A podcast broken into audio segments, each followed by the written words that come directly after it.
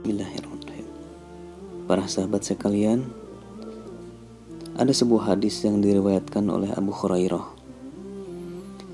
Nabi Shallallahu Alaihi Wasallam bersabda bahwa tidaklah sekelompok orang berkumpul di salah satu rumah Allah untuk mengkaji kandungan Al-Quran dan saling mempelajarinya, kecuali akan turun pada mereka ketentraman, rahmat yang meliputi, malaikat yang mengerumuni, serta sanjungan Allah bagi mereka di sekitar makhluknya. Hadis riwayat Abu Dawud.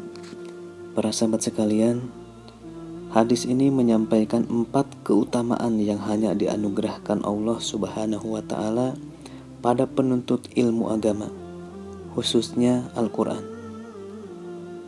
Apa saja keutamaannya? Keutamaannya yang dimaksud ialah sebagai berikut.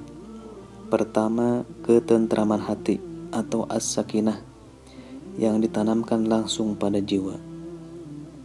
Kedua, turunnya rahmat yang langsung meliputi menghadirkan banyak peluang kebaikan untuk diraih.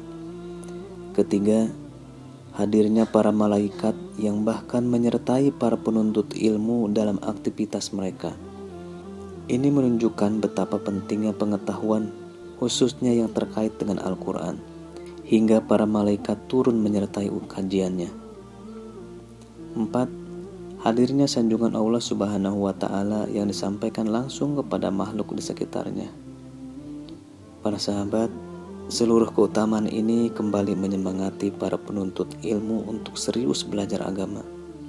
Tidak hanya turut serta semata. Hadis ini juga sekaligus menjadi parameter bagi kegiatan taklim yang benar, yang di antaranya menghadirkan ketentraman pada jiwa aktivitas taklim yang menghadirkan keresahan atau bahkan penyakit dalam jiwa tidaklah disebut taklim yang benar. Ini berdasarkan hadis yang dimaksud. Allah alam.